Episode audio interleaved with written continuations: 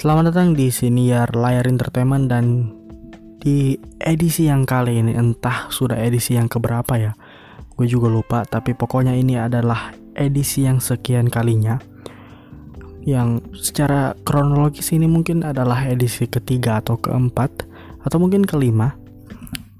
Tapi pokoknya gue akan membahas suatu film yang sebenarnya sudah rilis sejak lama namun baru-baru saja di, diluncurkan di Disney Plus. Hotstar pastinya di Indonesia jadi bisa diakses melalui Disney Plus setelah beberapa bulan yang lalu 2 sampai 3 bulan yang lalu film ini dirilis di bioskop terutama di bioskop luar negeri.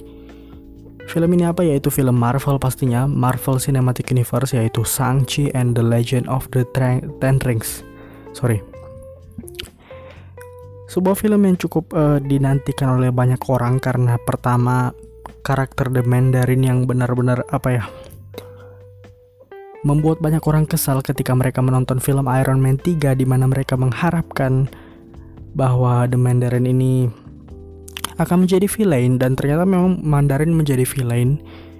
Tapi sebenarnya hanya orang yang ngaku-ngaku sebagai Mandarin yaitu si Aldrich Killian dan kemudian terungkap di short movie yang dirilis oleh Marvel yaitu All Hail the King yang menceritakan peran dari Mandarin palsu yang sempat menyamar menjadi Mandarin dan berpura-pura menjadi Mandarin. Ketika dia sampai di penjara, dia akhirnya dikirimkan oleh salah satu anggota dari Tenrix dan akhirnya menerima pesan dari Mandarin. Dan itu adalah kelanjutannya di film ini. Selain itu, film akan memperkenalkan salah satu karakter superhero yang mungkin menjadi ikon dari superhero Marvel yang berasal dari Asia yaitu Shang-Chi yang juga di mana dia ini adalah salah satu superhero paling kuat secara fisik. Jadi petarung tangan kosong yang cukup kuat di ranah komik Marvel. Yang pertama yang mau gue bahas ini tentunya adalah karakter The Mandarin. Dan menurut gue karakter The Mandarin ini aktingnya bagus sih dapat karismanya dan ya cukup karismatik lah sebagai salah satu villain dari Iron Man kan. Apalagi kalau bisa dianalogikan, The Mandarin ini dengan Iron Man mirip sama Joker dengan Batman. Jadi gak bisa terpisahkan kalau di komik. Tapi kalau di film sayang sekali beda, beda jauh. Jadi sementara untuk si Muliu yang berperan sebagai Shang-Chi, ini menurut gue cukup mengecewakan sama seperti ketika pertama kali mungkin kita menonton film Captain Marvel di mana peran dari Brie Larson, kualitas aktingnya yang bahkan dia ini kan memenangkan Oscar yang ternyata flop dan dan ini juga terbukti dengan Simu Liu di mana aktingnya menurut gue bagi gue sendiri cukup mengecewakan dan biasa aja karena sama sekali nggak karismatik dan mungkin kalau kita lihat dia di film lain kita mungkin hanya tahu dia sebagai Shang-Chi namun kita mungkin nggak akan mengenal karakternya sifatnya dan pokoknya kedalaman karakternya itu cukup kurang dan entahlah ini adalah salah dari Simulio sendiri ataupun salah dari sutradaranya yang kurang memberikan pendalaman karakter termasuk uh, background karakter bisa dibilang kepada Simulio maupun panduan untuk acting. Jadi entahlah siapa yang harus disalahkan. Sementara itu gue masih bertanya ya sampai sekarang entahlah uh, pertanyaan yang cukup valid ataupun tidak yaitu kenapa si Wenwu ini nggak pakai helikopter aja buat ngelewatin hutan yang untuk menuju Tawalau eh dia malah pakai mobil. Kan dia kan dia punya helikopter kan? Kita diperlihatkan dia punya helikopter um, digunakan untuk menjemput Sangci untuk sampai ke markas dari Ten Rings. Tapi kenapa malah pergi ke desa Tawalau ini? Mungkin karena ngebawa anak buah yang cukup banyak. Jadi mungkin mereka pakai mobil. Tapi kenapa si aduh si Wenwu ini kenapa nggak pakai helikopter aja untuk digunakan ke sana untuk menembus hutan itu? Jadi dia tahu kan. Tapi entahlah apakah memang bisa lewat udara atau memang hutan itu sengaja tertutup sudah. Karena kalau dilihat sih itu kayak gua juga sih di di balik air terjun yang ada di sebuah hutan. Jadi ya mungkin nggak masuk akal juga kalau pakai helikopter ya. Dan kayaknya kenapa dia ini dipanggil Ten Rings padahal secara look kita lihat sendiri si Wenwu, Mandarin sama si Sangchi ini makanya ini kayak gelang benar-benar kayak gelang. Bukan sebuah cincin bukan dipakai di jari seperti cincin pada umumnya. Dan menurut gue ini karena bisa saja pemilik aslinya ataupun yang membuat ten rings ini size-nya itu sebesar cincinnya. Jadi bisa dibilang mungkin lebih besar daripada manusia biasanya lebih besar daripada toko-toko yang pernah mengenakan ten rings ini. Jadi mungkin size-nya mungkin sebuah seekor naga mungkin Fing Fang Fum mungkin sebuah alien dari pokoknya intinya gue yakin banget ini adalah alien dan mungkin akan ditemukan siapa asal usul dari Ten Rings ini siapa yang membuatnya siapa penggunanya. Mungkin akan ditemukan di film Sangchi kedua ataupun di film-film lainnya ataupun bahkan di Avengers mungkin bisa saja karena bahkan mereka mengintisi itu kan di akhir film di mana si Wong juga penasaran kelihatan penasaran karena begitu apa ya energi itu energi dari sang Chi ini begitu terpancar sinarnya gitu loh.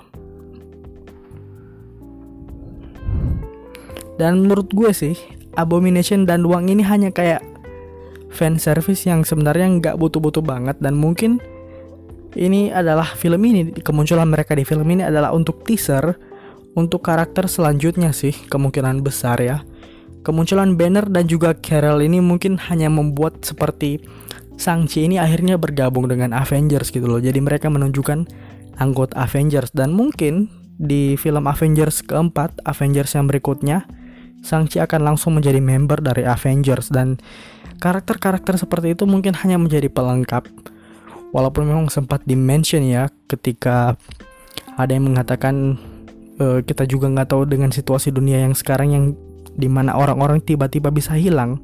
Yang di mana itu kan mereferensikan kepada The Blip ataupun Snap yang dilakukan oleh Thanos. Tapi menurut gue mereka juga perannya nggak penting-penting banget dan peran dari keempat karakter ini baik itu Abomination, Wong, Carol maupun si Bruce Banner menurut gue itu hanyalah untuk sebagai penanda bahwa film ini adalah bagian dari MCU mungkin saja ya. Pendapat pribadi sekali lagi. Dan untuk karakter Aquafina ini walaupun memang pastinya akan berpikiran banyak sidekick yang manusia biasa dari seorang superhero mungkin akan sangat menarik. Tapi ternyata pembawaannya di sini ya bisa dibilang bagus juga acting dari Aquafina sendiri. Namun si Katie ini kayak hanya aneh sih dan hanya menjadi pencair suasana dari para pertarungan jadi istilahnya dialah yang membuat film ini seperti film Marvel pada umumnya dengan jokes-jokes ala Marvel. Jadi celutukan-celutukan di tengah dialog yang tengah serius itu memang gayanya Marvel kan dan mereka sengaja naruh karakter seperti si Katie ini untuk akhirnya membuat feel tersebut terasa di film-film Marvel yang seperti si Shang-Chi ini. Padahal gue harap ini film bakalan menjadi film martial art yang cukup menarik tapi ya sekali lagi Marvel harus dilibatkan dengan CGI CGI yang mewah dan juga kekuatan-kekuatan akhirnya agar kita merasa grande dan juga akhirnya worth it uang ataupun waktu yang kita spend untuk menonton film ini selama mungkin dua jam mungkin ada tiga jam. Dan kematian Wenwu ah, sekali lagi ya pendapat pribadi tapi menurut gue kematian Wenwu ini sangat disayangkan ya. Agak agak sayang aja. Bukan bukan kematiannya bukan kematiannya yang disayangkan tapi cara dia mati itu yang disayangkan. Gak seheroik itu dan tidak semenyentuh itu. Walaupun memang kalau secara realistis ya apa pun bisa terjadi tapi secara film secara harus kan melibatkan penonton dalam suasana apa pun berduka maupun ya sukacita dan ketika si Wan Umat ini nggak ada feel yang terlalu kita rasakan sih. At least gue pribadi ya yang menonton ini. Dan mungkin itu hanya agar Sangchi bisa ngedapatin Ten Rings dengan mudah dan gak perlu ngelawan ayahnya untuk jadi anak yang durhaka. Mungkin bisa jadi itu alasan dari mereka mematikan Wenwu secepat itu padahal kan namanya saja kan Ten Link apa Sangchi and the Legend of the Ten Rings. Jadi memang harus dipertemukan mungkin ya si Sangchi dan juga Ten Ringsnya. Dan ya menurut gue harusnya battle yang terakhir itu antara si Shang-Chi dengan si Wenwu nggak usah pakai si siapa itu monster yang jahat banget itu yang dikurung kan. Ya pendapat pribadi lagi-lagi. Dan gue yakin banyak fans komik yang menyayangkan kenapa The Mandarin ini nggak pernah bertemu langsung dengan Iron Man padahal di komik sekali lagi yang seperti gue bilang di awal Iron Man dan Mandarin itu sudah seperti paket yang tidak bisa dipisahkan sama seperti Joker dengan Batman, Superman dengan Lex Luthor, siapa lagi? Um, ya pokoknya kayak Batman dengan Joker lah. Kalau mau simpelnya dan yang paling dikenal oleh banyak orang lah. Tapi entah kenapa Mandarin yang ditaruh di film Shang-Chi kenapa tidak dimunculkan di film Iron Man? Gue agak setuju sih. Cuma agar mereka ini kan menghubungkan cerita Mandarin dengan Shang-Chi kan? Di mana ini keduanya ini sama-sama mempunyai latar belakang Chinese hingga akhirnya Marvel ini bisa membuat film superhero dengan latar belakang Chinese. Walaupun Chinese-nya agak campuran karena si Shang-Chi ini bisa dibilang uh, representasi dari Asian American jadi orang Asia keturunan Asia yang tinggal di Amerika Serikat. Dan ya memberikan kesempatan mungkin bagi Sangchi untuk mendapatkan kekuatan kosmik yaitu Ten Rings supaya dia ini agak nggak kelihatan nggak guna juga kan kan nggak mungkin juga dia hanya pakai bela dirinya untuk melawan musuh-musuh kosmik yang nantinya akan menjadi musuh utama di Phase 4 dari Marvel Cinematic Universe Mungkin kalau bisa dibilang Sangchi dimunculkan di phase pertama ataupun fase kedua, mungkin bisa masuk akal karena musuhnya ini bisa dilawan dengan fisik sama seperti si Ultron, Loki, ataupun bahkan Thanos masih bisa dilawan secara fisik. Anak buah Thanos at least. Tapi ini adalah phase keempat. Lawannya sudah kosmik, sudah berhubungan dengan waktu sama si dengan si Kang the Conqueror. Jadi menurut gue cukup cerdik langkah dari Marvel mempersiapkan istilahnya mempersenjatai Sangchi dengan Ten Rings supaya agar dia ini mendapatkan kekuatan agar bisa mempersiapkan diri untuk menghadapi final battle yang berikutnya. Mungkin ada end game yang kedua mungkin kita belum tahu juga yang mirip seperti end game ya dengan banyak sekali karakter superhero melawan banyak sekali musuh. Mungkin Annihilus mungkin. Dan ya sayang banget Mandarin ini nggak pernah nyebut Iron Man at least kalau mereka nggak pernah ketemu dan karena keburu si Iron Man mati di film Avengers Endgame gue berharap banget si Mandarin ini bisa nyebut Iron Man karena dia juga kan yang berperan dalam penculikan Iron Man. Si Tony Stark di film Iron Man pertama kan diculik sama organisasi Ten Rings yang dipimpin sama si Mandarin. Harusnya disebut sih at least sekali karena dia juga orang yang penting yang pernah diculik oleh Ten Rings loh. Jangan salah dan sayang sekali nggak ada sama sekali mention yang dilakukan secara langsung dari mulut Wenwu kepada Iron Man. Gue juga suka Marvel yang dengan realistis ini menambahkan dialog yang punya bahasa Cina.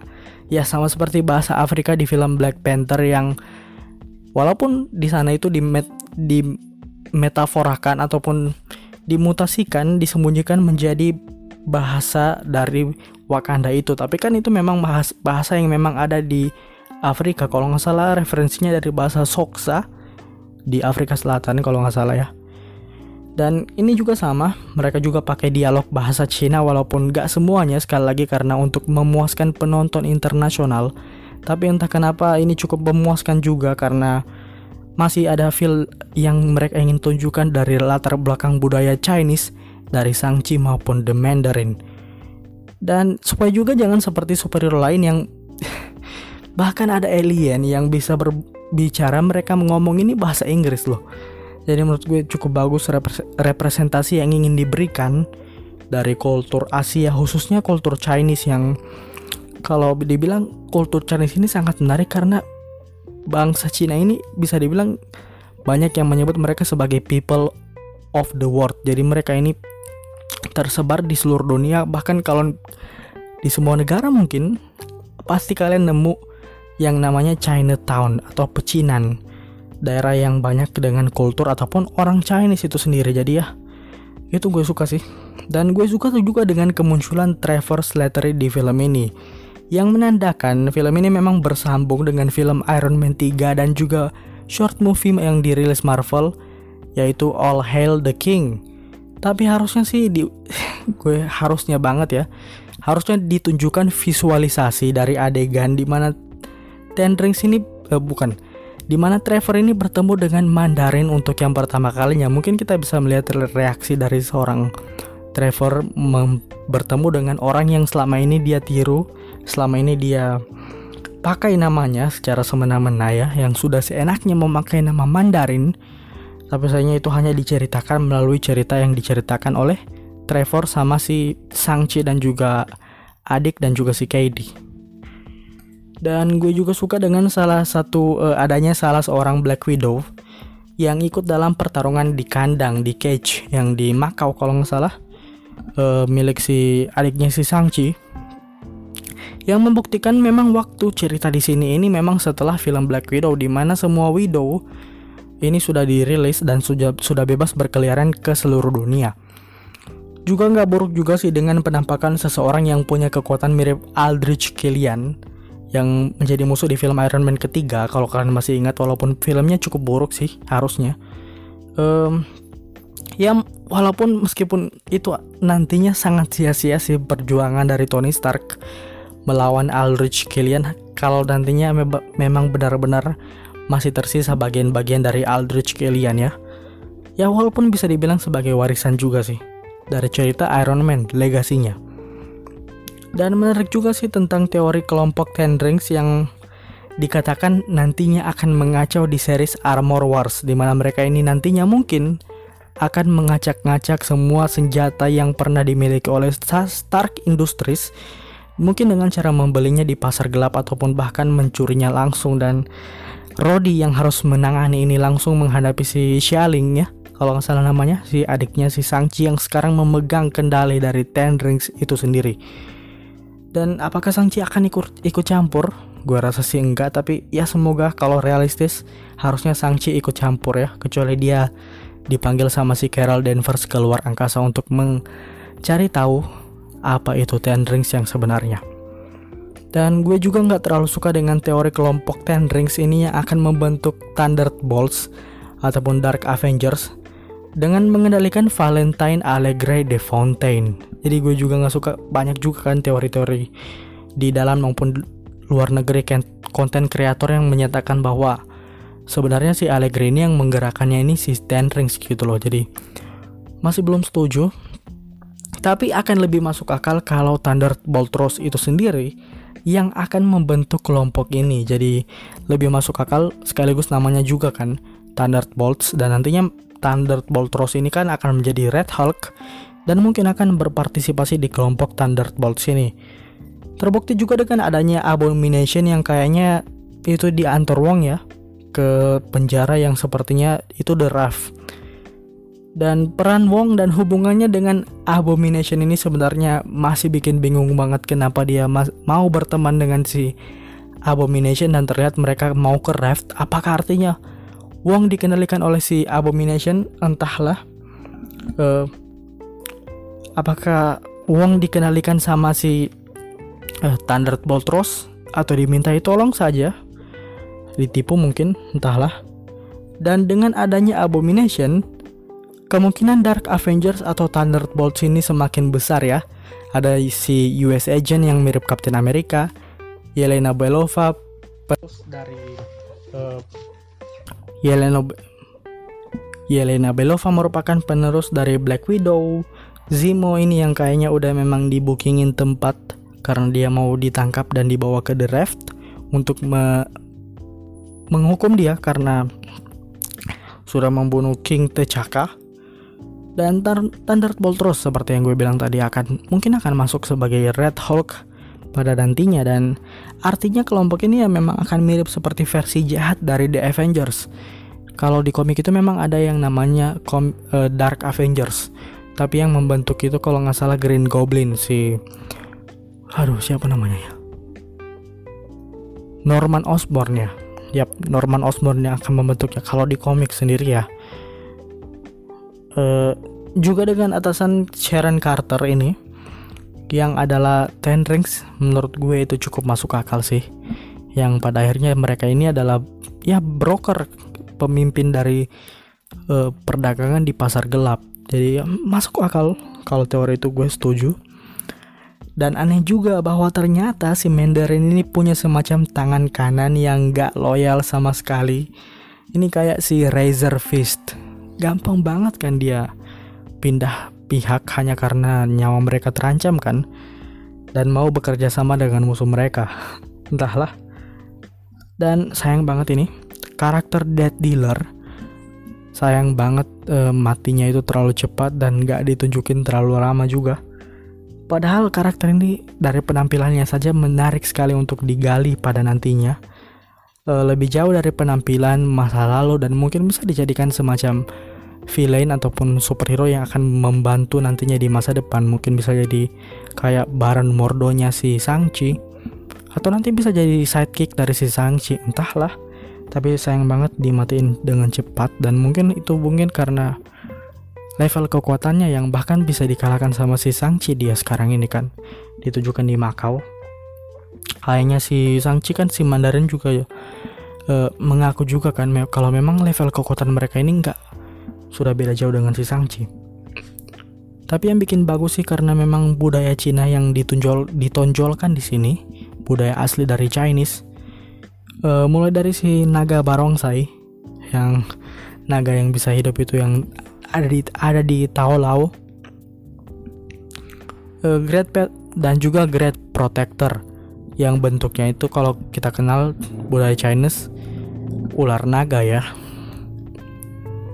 dan terutama bahasa sih untungnya di sini memang diselingkan dengan penggunaan bahasa Mandarin dan juga syukurlah kita ini diberitahu kalau memang si Sangchi ini disuruh belajar bahasa Inggris sama si Wenwu jadi nggak ada kebingungan kenapa si Sangchi tiba-tiba bisa bahasa Inggris di masa kecilnya. Plus bagus juga sih kita lihat bahwa si tetua di Taolao sama sekali ini nggak bisa bahasa Inggris dan membuat sebuah komunikasi yang aneh dengan si Katie. Dan karakter Aquafina ini sendiri si Katie selain untuk menemani si Sangchi jadi menurut gue jadi lebih bisa untuk merepresentasikan penonton sih. Jadi dia jadi gambaran penonton gambaran kita lah yang menonton dengan dia yang membanyak banyak tanya ke karakter lain. Jadi kita juga kan kepo jadi direpresentasikan untuk nantinya para karakter karakter di dalam film ini akan menjawab pertanyaan-pertanyaan dari kita dan aneh banget ya kebenturan keberuntungan si Katie yang baru sehari mungkin gak sampai sehari dia latihan untuk mana dan tiba-tiba mananya akurat banget udah kayak Hawkeye kemampuannya dan mungkin itu hanya sekali dari 10.000 percobaan ya. Dan sayangnya The Great Protector di sini nggak bisa berkomunikasi sama sekali. Meskipun hal itu bagus agar bisa menjaga uh, esensi realistis tapi kita juga nggak bisa tahu kepribadian dari seorang ataupun seekor Great Protector itu sendiri. Masih sayang banget. Jadi nggak bisa dalam kan karakternya.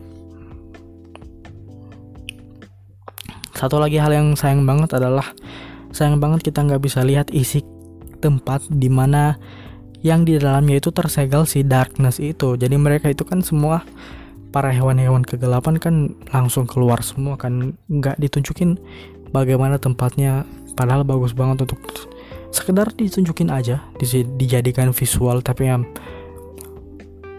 memang mereka sengaja dikeluarkan mungkin untuk nantinya pertarungannya itu ada di danau di Tawalau dan mungkin akan muncul The Great Protector dan sebagai adegan eh, sebagai film action termasuk kan genrenya ini kan ada action uh, martial art pastinya. Uh, pendapat pribadi adegan action yang paling bagus yang paling uh, memorable hanyalah adegan action di bus. Yang aksi pertamanya si Sangchi itu pakai kungfu lawan si Razor Fist dengan semua kayak koreografinya itu cukup menarik sih. Tapi setelah itu pertarungan semuanya di Macau cukup impresif tapi nggak terlalu memorable. Dan mungkin itu karena di trailer juga kita sudah ditunjukkan berkali-kali ya. Bukan hanya di trailer tapi di semua video promonya. Jadinya kita jadi lebih ingat adegan di bus itu. Jadi ya itu saja mungkin sebuah obrolan singkat tentang gunda gulana gue setelah menonton Sangchi. Uh, kenapa film ini cukup buruk? Mungkin pertama karena memang Sangchi ini nggak banyak dikenal dan kedua mungkin ada di masalah tidak ada ciri khas tertentu yang dibawa oleh film ini. Kalau di Black Panther mungkin kita melihat ada ciri khas sebuah pembalasan dan khususnya di budaya ya. Gak ada yang terlalu kena di Sangchi ini. Uh, nggak terlalu deep dan bahkan Tao Lao ini harusnya kan bisa jadi the second of Wakanda tapi nggak bisa digambarkan sekali lagi. Dan villainnya bagus sangat bagus berpotensi sekali si Mandarin ini dan sayang bahkan akhirnya pun gak memuaskan sama sekali walaupun perkenalannya sudah sangat badass. Jadi ya itu saja edisi senior yang kali ini mungkin edisi senior yang berikutnya mungkin akan membahas Eternals ataupun Venom yang juga sudah rilis walaupun gue sih pada momen ini sudah nonton Venom tapi nggak terlalu bisa impress dengan ceritanya yang terlalu dragging. Pacingnya itu terlalu cepat. Jadinya ya mungkin itu saja. Terima kasih telah yang sudah mendengar ya. Makasih banget dan sampai jumpa di senior layar entertainment edisi berikutnya. Goodbye